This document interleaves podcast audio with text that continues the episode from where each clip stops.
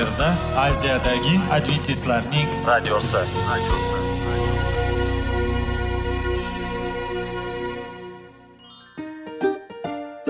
Assalomu alaykum aziz radio tinglovchilar. Sog'liq daqiqasi rubrikasiga xush kelibsiz. Zero tananing sog'lom bo'lishi va uning kasalliklardan saqlash har bir insonning burchi hisoblanadi. Inson uchun bebaho boylik bu sog'liq salomatlikdir. Uni asrash esa har birimizga omonat qilib berilgan. Shuning uchun ham inson o'z sog'lig'ini ehtiyot qilishi va ajib amallardan hisoblanadi. Dono xalqimiz sog'liq tuman boylik deb bejiz aytmagan. Aql idroq sohibi bo'lgan inson o'z hayotini qadrlashi lozim bo'ladi. Hozirgi kunda qanchalik dori darmonlar ko'paymasin tibbiy muassa sifati shifokorlar vasiyasi tibbiy texnika yaxshilanmasin. Agar insonning o'z salomatligi haqida qayg'urmasa kutilgan natijaga erishib bo'lmaydi va biz sizlarga bizning dasturimizga xush kelibsiz deymiz.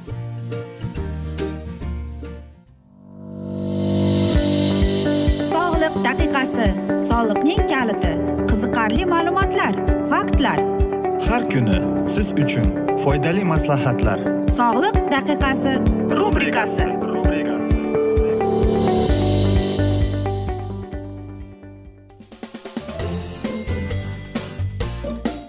assalomu alaykum aziz radio tinglovchilar. Dasturimizga xush kelibsiz. Va biz sizlar bilan besh daqiqa sog'liq uchun deb atalgan dasturimizda xushvaqt bo'ling deb aytamiz. Va bugungi bizning dasturimizning mavzusi bu vitamin a. Va biz sizlar bilan o'tgan galgi dasturlarimizda vitamin a haqida suhbatlashgan edik.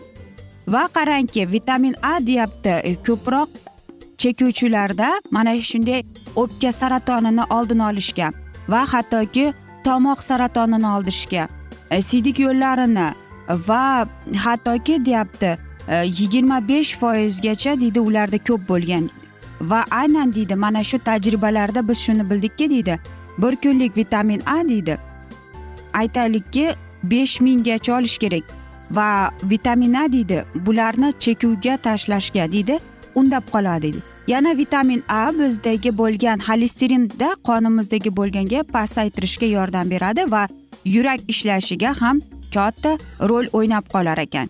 Agar bizning kunlik ovqatimiz aytaylikki vitamin a ga to'liq bo'lsa demak uni yana qo'shimcha qilib qabul qilish shart emas deydi. Chunki agar vitamin a ko'payib oshib ketsa deydi buni передозировка deyiladi unda biz ko'nglimiz aynib deydi va ko'z qarashimiz buzilib qoladi. Hattoki deydi jigar sirroziga olib keladi deydi. Shuning uchun ham agar deydi mana shu bir necha oylar davomida vitamin a organizmimizda ko'payib ketsa mana shunday oqibatlarga olib keladi deydi. Shuning uchun ham hattoki homiladorlik paytida ham agar homilador ayol e, vitamin a ni ko'proq yesa ham deydi mana shunday oqibatga olib keladi deydi. Shuning uchun ham erkak kishida esa sog'lom erkak kishida aytaylikki besh ming e, iste'mol qilsa bo'ladi ayol kishi esa to'rt ming bolalarda esa bir yarim ming. Yoki aytaylikki masalan vitamin d u bizdagi kalsiy va fosforning organizmimizda almashuviga yordam beradi deydi. Bir ming to'qqiz yuz o'n uchinchi yili polsh bir e, shifokor e, rachinskiy shuni isbotlaganki aynan quyosh nurlari rahit yo'qolishiga sababchi bo'lgan deydi. Yana shuni aytganki quyosh nuridagi erogesterin degan bor bu bir kimyoviy modda. Aytaylikki bu narsa deydi quyoshning nurining ta'sirida vitamin d ga aylanib qolar ekan deydi. Va qarangki agar bu vitamin kam bo'lsa deydi organizmda raxitga olib keladi bolalarda deydi keyin osteopandroz ya'ni suyak buzilishiga olib keladi deydi. Kattalarda esa deydi suyakning e, nozikligini ko'rsatadi va shu darajaga olib keladi deydi oxirgi yillari olimlarning orasida shunday bir so'z borki agar deydi biz vitamin ani vitamin d ni kamaytirsak deydi u e, mana shu yog'on ichakning kasalligiga va ko'krak saratonining kasalligiga sababchi bo'lib qolar ekan. Va bilasizmi oldindan e, shunday bir hisoblanar ekanki masalan juda ko'p tutun e, bor joylarda deydi. U yerda saraton kasalligidan o'luvchilar o'limi deydi bir yarimga bir yarim ming foizga oshadi deydi. Vitamin d bizning organizmimizga hattoki ovqat bilan tushadi. Undan tashqari deydi u bizning ovqat hazm qilganimizdan keyin u bizning tanamizga tushadi deydi va tanamizdan biz quyoshga chiqqanimizda vitamin d ga aylanib qolar ekan deydi. Va albatta e, vitamin dni kunlik sog'lom odam d vitaminini ikki yuz qirq milligramda iste'mol qilish kerak deydi. Shuning uchun vitamin dni hattoki homilador paytida ham iste'mol qilsa bo'ladi va shifokorlar hattoki tavsiya beradi. Va hattoki emizikli onalarga ham vitamin dni tavsiya etishadi. Chunki agar bola mana shu vitamin dni olmasa undagi kalsiy yetishmaydi va bolaning suyagi va onaning suyagi tishlari sinovchi bo'lib qoladi deydi. Shuning uchun ham vitamin d bizga judayam kerak. Ayniqsa bizning suyagimizga mana shunday ajoyib tarzda o'zining tarzlarini ko'rsatar ekan. Lekin deydi yana shuni isbotlanib ko'rsatilganki deydi biz kalsiy almashuvining va bizdagi bo'lgan hattoki bo'yin o'sishimizga ham yordam beradi. Agar masalan vitamin a ni iste'mol qilib va vitamin d ni iste'mol qilsak va ularni qarang ko'pligidan. Unda ham ko'p iste'mol qilib tashlasangiz demak sizda передозировка bo'ladi ko'ningiz ayniydi qusasiz tanangizda badaningizda qandaydir qichqoqlar paydo bo'ladi ko'zlaringizda og'riq paydo bo'ladi ich ketish va albatta siz tez tez hojatxonaga borasiz. Va bilasizmi aynan kalsiy deydi. Bizning yumshoq tanamizda e, badanimizda masalan jigarda buyrakda o'pkada yurakda va qon tomir e, sosudlarda qolsa deydi. Demak deydi mm, bu vitamin d ning ko'pligidan deydi. Shuning uchun ham deydi mana shu vitamin d ni biz aytaylikki me'yorida iste'mol qilishimiz kerak deydi. Va yana bir bor aytib o'taman agar shunday bo'lsa undan ko'ra shifokorga uchrab va albatta shifokoringiz bilan maslahat qilganingiz ma'qulroqdir. Hech qachon o'z bilishimcha uni mana shunday qabul qilishga harakat ham qilmang deymiz va biz yuqorida aytgandek передозировка degan narsa ham bo'lar ekan.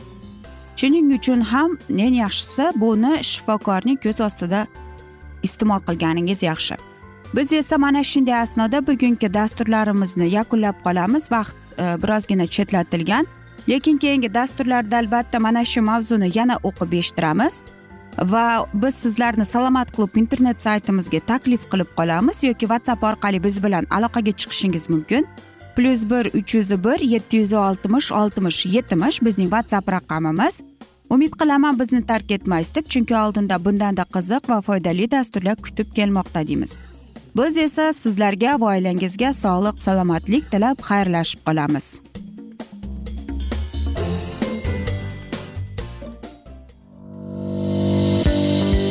Sog'liq daqiqasi soliqning kaliti qiziqarli ma'lumotlar faktlar. Har kuni siz uchun foydali maslahatlar. Sog'liq daqiqasi rubrikasi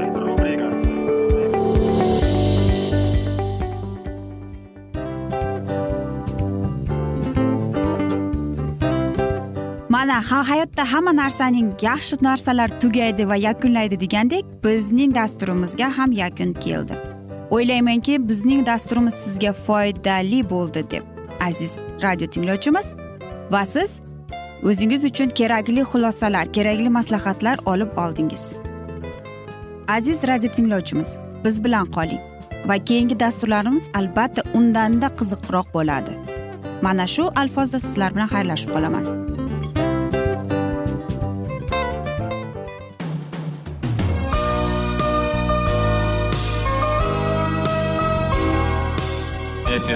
Aziyadagi adventistlarning radiosi.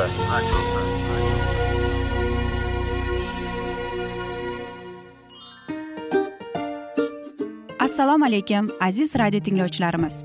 Dil izhori dasturimizga xush kelibsiz. Pul insonni baxtli qiladimi? Albatta yo'q. Sog'liqchi. Albatta bo'lishi mumkindir. Lekin olimlar shuni isbotlashdiki to'liq va mukammal munosabatlar insonlarni baxtli qilar ekan. Albatta biz hayot davomida biz yaqin insonlar bilan odamlar bilan aloqada bo'lamiz va ular bilan munosabatlarimiz qanday kechadi qanday tuziladi? Yigit va qiz er va xotin ota ona va farzandlar va yaqin insonlar bilan. Balkim hozirgi vaqtda kimnidir hayoti yoki munosabatlari buzilyapti. Va bizning dasturlarimiz ularga yordam bo'ladi deb. Va oldinda sizlarni qiziqarli intervyular va mavzular kutyapti va biz umid qilamizki siz biz bilan qolasiz deb.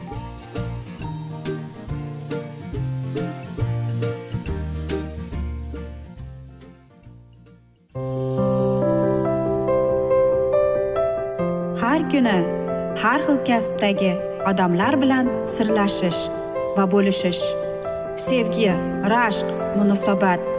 Bularni hammasi dil izhori rubrikasida.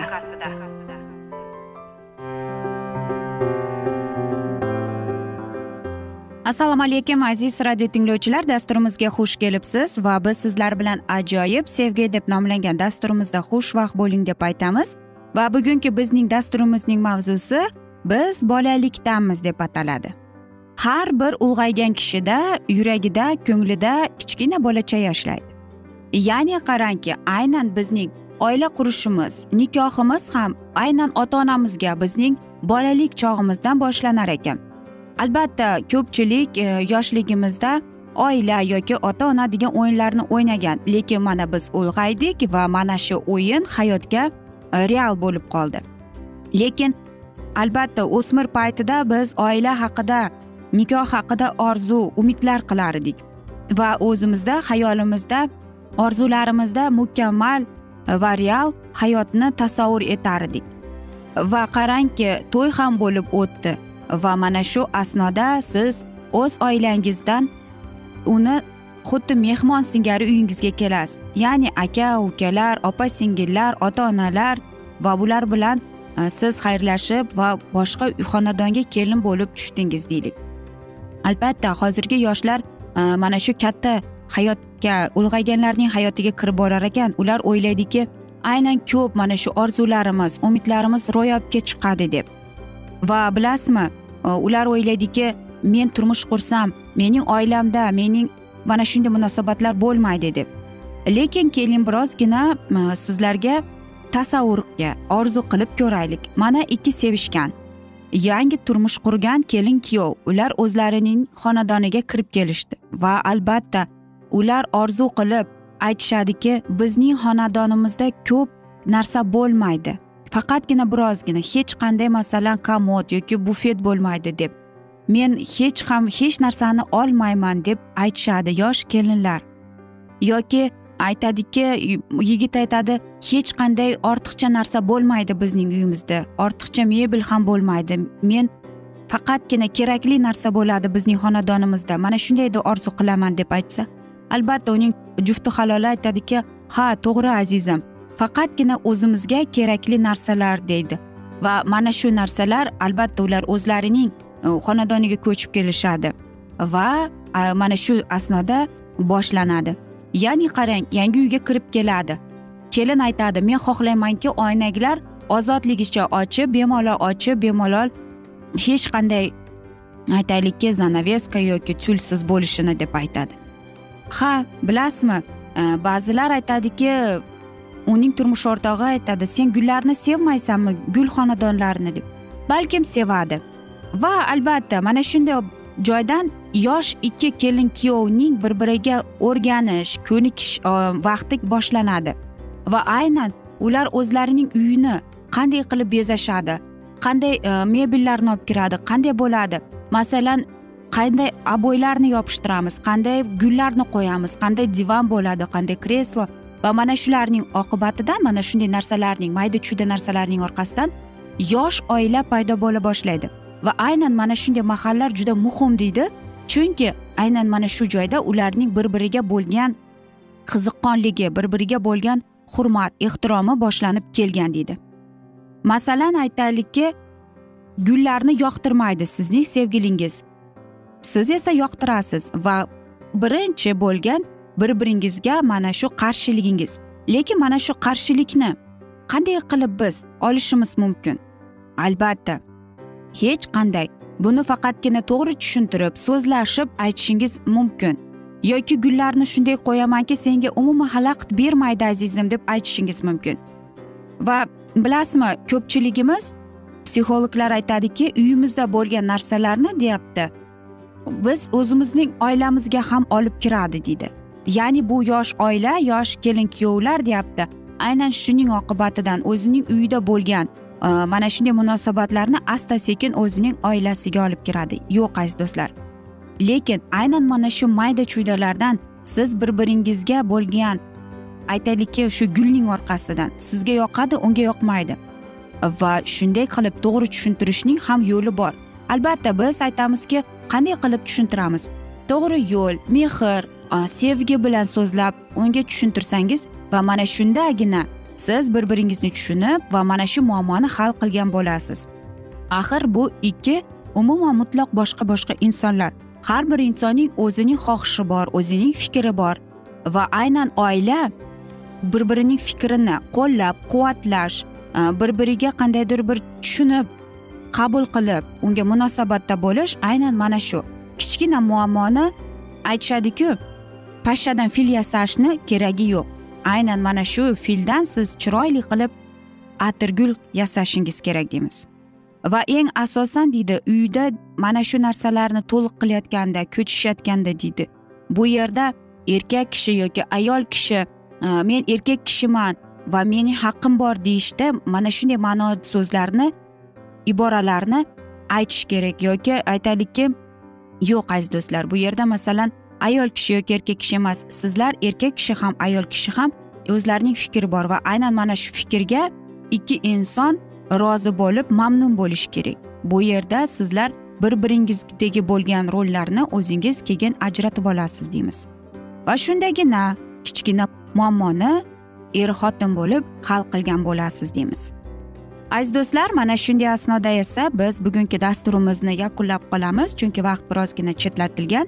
Lekin keyingi dasturlarda albatta mana shu mavzuni yana o'qib eshittiramiz. Men umid qilamanki bizni tark etmaysiz deb chunki oldinda bundanda qiziq bundanda foydali dasturlar kutib kelmoqda deymiz. Biz esa umid qilamizki bizni tark etmaysiz deb chunki oldinda bundanda qiziq va foydali dastur kutib kelmoqda deymiz. Aziz do'stlar sizlarga va oilangizga tinchlik totuvlik tilab o'zingizni va yaqinlaringizni ehtiyot qiling deb seving seviling deb xayrlashib qolamiz.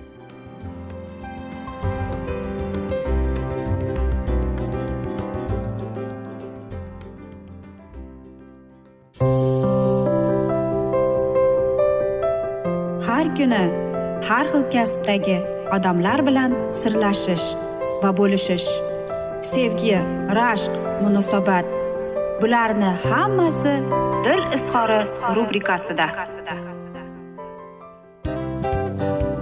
Mana aziz radio tinglovchimiz bizning go'zal va foydali va chiroyli dasturimiz yakunlanib bormoqda. Sizlarga birozgina maslahat berib o'tmoqchi edik. Bir biringizni seving. Qadringizga yeting. Va erkalang albatta bir biringizni va sizga judayam chiroyli va mustahkam munosabatlar tilab qolamiz albatta. Sevgilingiz doimo yoningizda bo'lsin. Mana shu borada sizlar bilan xayrlashib qolamiz. Xayr.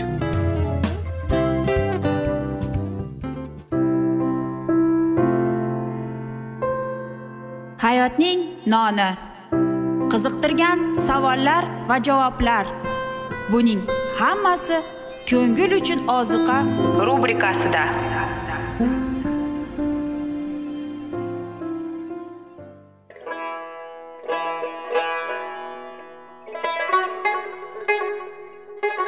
Assalomu alaykum aziz radio tinglovchilarimiz. Ko'ngil uchun oziqa rubrikasida xush kelibsiz deymiz. Siz haqiqatni izlayapsizmi? Olamnimi? Umidnimi? Siz kimga murojaat qilmoqchisiz? Odamlar ko'pincha siyosat kuchiga tayanadilar. Dunyo iqtisodiyoti holati tobora chuqurlashib bormoqda. Tabiiy ofatlar va texnogen halokatlar minglab insonlarning hayotini olib ketib juda katta zarar yetkazmoqda.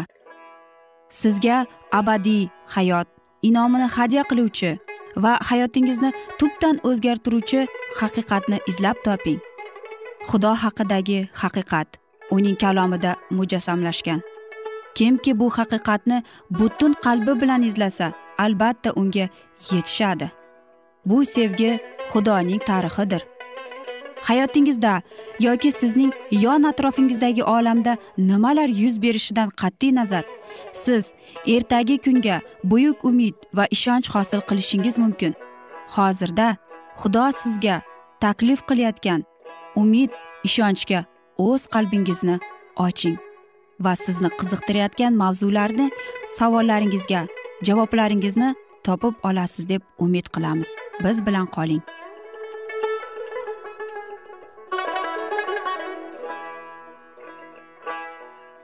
Assalomu alaykum aziz radio tinglovchilar. Dasturimizga xush kelibsiz va biz sizlar bilan ulug' otalar va payg'ambarlar deb nomlangan dasturimizda xushvaqt bo'ling deb aytamiz. Va bugungi bizning dasturimizning mavzusi dovudning oliy hikmatligi deb ataladi va biz sizlar bilan o'tgan galgi dasturimizning mavzusini bugun davom ettiramiz. U xuddi isroilni azaldan bor bo'lganining taxti bilan bog'laganday osmonga juda yaqin edi. Shamoilning dafn etilgan joyiga kelar ekanlar achchiq tuyg'ular isroilliklarning ongini egalar edi. Uning rahbarligini tark etib ular aqlsizlik qildilar. Faqat shamolgina xudoni sevishga unga bo'ysunishga ularni o'rgatdi. Endi esa u o'lganida odamlar podshohning qo'lida qolganliklarini tushundilar. Shaytonning rahbarligi ostida xalqni xudo bilan va osmon bilan ayrigan podshohning qo'lida qolganliklarini angladilar. Shamoilning dafn etilishiga dovud kela olmadi. U sadoqatli o'g'il o'lgan sevikli otasiga iztirob chekkanday shamoilning olamdan o'tganiga chuqur va larzaga kelib qayg'urardi. U bilardiki shamoil o'limi bilan shoil xulqini to'sib turgan oxirgi iplar uzilayotganini. Payg'ambar tirik paytida dovud o'zini bexatar his qilardi. Shoul motam marosimi bilan band bo'lguncha dovud o'zga boshqa bexavfli joyga qidirib topdi va poron cho'liga yo'llandi. Poron cho'lida u bir yuz yigirma va bir yuz yigirma birinchi sanolarni ijod etdi. Cho'lning vahshiy joylarida payg'ambarning o'limiga qayg'urib va podshoh uning dushmani ekanini bila u kuyladi. Xudovand yeru osmonni yaratdi. Undan kelar menga madad oyoqlarning qoqilishiga u yo'l qo'ymagay. Sening qo'riqchilaringdir u uxlamagay aslo. Ha isroilni qo'riqlovchi mudarmas u mijja ham qoqmas. Har bir badbaxtlikdan seni asrar. Joningni ham qo'riqlar xudovand. Hozirdan boshlab to qarar. Chiqish va qaytishingni xudodan asrar. Poron cho'lida bo'lgan vaqtda dovud o'z odamlari bilan navol ismli bir boy odamning podalarini bosqinchilardan qo'riqlardi. G'olib avlodidan chiqqan navol o'sha joylarni egallab istiqomat topgandi. Tabiatiga munosib u qo'pol va qizg'anchiq odam edi. Qo'ylarni qirqish vaqti yetib keldi. Odat bo'yicha shu payt ziyofatlar berilardi va mehmonlar kelishardi. Dovud va uning yo'ldoshlari oziq ovqatga juda muhtoj bo'lib qoldilar. Va shu vaqtlarning odati bo'yicha u salomlashish uchun navol huzuriga o'nta yigitni yubordi. Hazratlaridan salom berganlarida ular dovudning so'zlarini unga topshirishlari kerak edi. Dovud shunday aytmoqni buyurdi. Senga va sening xonadoningga tinchlik bo'lsin. Sening hammangga tinchlik aylansin. Men eshitganimcha senda qo'ylarni qirqishar kerak ekan. Mana sening cho'ponlaring bizlar bilan edilar. Va biz ularga ozor bermadik. Karmelda bo'lgan paytlarda ularning hech bir narsasi yo'qolmadi. Xizmatkorlaringdan uning o'zing so'ragin va ular shunday bo'lganini tasdiqlaydilar. Binobarin o'smirlar muruvvatiga sazovor bo'lishlariga ishonaman. Zero yaxshi kunda oldinga keldik. Qo'llaringga va o'g'lining dovudga sening qo'ling topganidan bersang. Dovud va uning odamlari navolning cho'ponlari va podalariga ishonchli mudofaa bo'ldilar. Endi esa ushbu boy odamga ular murojaat qilib xizmatlariga munosib bo'lganidan ayirib berishni iltimos qilishdi. Dovud o'zlari suruvdan olishlari mumkin edi ammo shuni qilmadilar. Ular vijdonli odamlar edi. Ammo ularning diyonatligi qadrlanmadi. Dovudga yuborilgan javob navolning xulqini namoyon etdi. Dovud kim bo'libdi va ishay o'g'li kim ekan? Hozirda o'z xo'jayinidan qochib yuradigan qo'ylar ko'payib ketdi. Nahotki men o'z nonimni va suvimni olib va qo'ylarni qirqadaganlarga tayyorlagan go'shtimni olib qayerdan kelganliklarini men bilmaydigan odamlarga bersam? Yosh yigitlar bo'sh qo'llari bilan qaytib kelganlarida va dovudga hammasini so'zlab berganlarida u qattiq g'azablandi. Jangga tayyorgarlik ko'rishga buyurdi. Uning huquqi bor bo'lgan narsada ushbu odam yordamlashishga xohlamadi va tag'inda nohaq muomalaga haqorat qilishni qo'shdi. Dovud uni jazolamoqchi bo'ldi. Uning xatti harakati ko'proq shoulni eslatardi ammo ishay o'g'liga jafo chekish maktabida hali sabr toqatga o'rganish kerak edi. Dovud yuborgan odamlar ketganlaridan keyin navalniy xizmatkorlaridan birini uning xotini abugeyaga shoshildi va bo'lgan voqeani unga bayon etdi. Mana dedi u. Dovud cho'ldan o'z elchilari bizning xizmat hazratimizga salomlashish uchun yuborgan edi. Ularga juda qo'pol muomala qildi. Bu odamlar bizga juda rahmdil bo'ldilar bizga ozor bermadi va ular biz bilan dalada yurganimizda hech narsamiz yo'qolmadi. Bizning podalarimiz ulardan yaqin boqilmaganida nima qilish keragini uning o'zi ko'rib turgandek chunki hazratimizga va uning butun xonadoniga falokat tahdid qilmoqda eri bilan maslahatlashmay va unga o'z niyati to'g'risida bir so'z aytmay abugeya yetarli darajada oziq ovqatdan olib eshaklarga ortdi va dovudga peshvoz yubordi. Keyin o'zi ham ketidan jo'nadi. Dovud va u lashkarlari bilan tepalikda uchrashdi. Abugeya dovudni ko'rgan zahoti eshagidan tushishga shoshildi. Uning oldida yuz tuban yiqilib yergacha sajda qildi. Uning oyoqlariga egildi va dedi gunoh menda hazratim mening. Sening qo'lingga gapirishga ijozat bergin va qo'ling so'zlaringni eshitishga qulog'ingni ochsang edi. Dovud saltanati shoh bo'lganiday abigiya shunchalik hurmat bilan unga murojaat qildi. Navol masxara qilib dovud kim bo'libdi deb xitob qilgan edi. Abuga esa mening hazratim deb murojaat qildi. Yaxshi so'z ila u erining jahlini yumshatishga intilardi va o'z eri uchun iltimos qilardi. Har qanday iftifoqlik va yolg'ondan uzoqda bo'lgan abugey ilohiy donolik va sevgiga to'lib o'z oilasiga fidotkorligini namoyon qildi. Aziz do'stlar biz esa mana shunday asnoda bugungi dasturimizni yakunlab qolamiz chunki vaqt birozgina chetlatilgan. Lekin keyingi dasturlarda albatta mana shu mavzuni yana o'qib eshittiramiz. Men umid qilamanki bizni tark etmaysiz chunki oldinda bundanda qiziq va undanda foydali dasturlar kutib kelmoqda. Biz esa sizlarga va oilangizga xayrlashar ekanmiz tinchlik totuvlik tilab va albatta o'zingizni va yaqinlaringizni ehtiyot qiling deb xayrlashib qolamiz.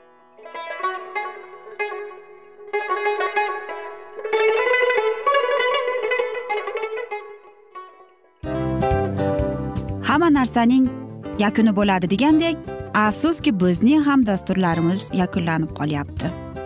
Va biz o'ylaymizki bizning dasturimizdan o'zingiz uchun kerakli va foydali maslahatlar olib oldingiz.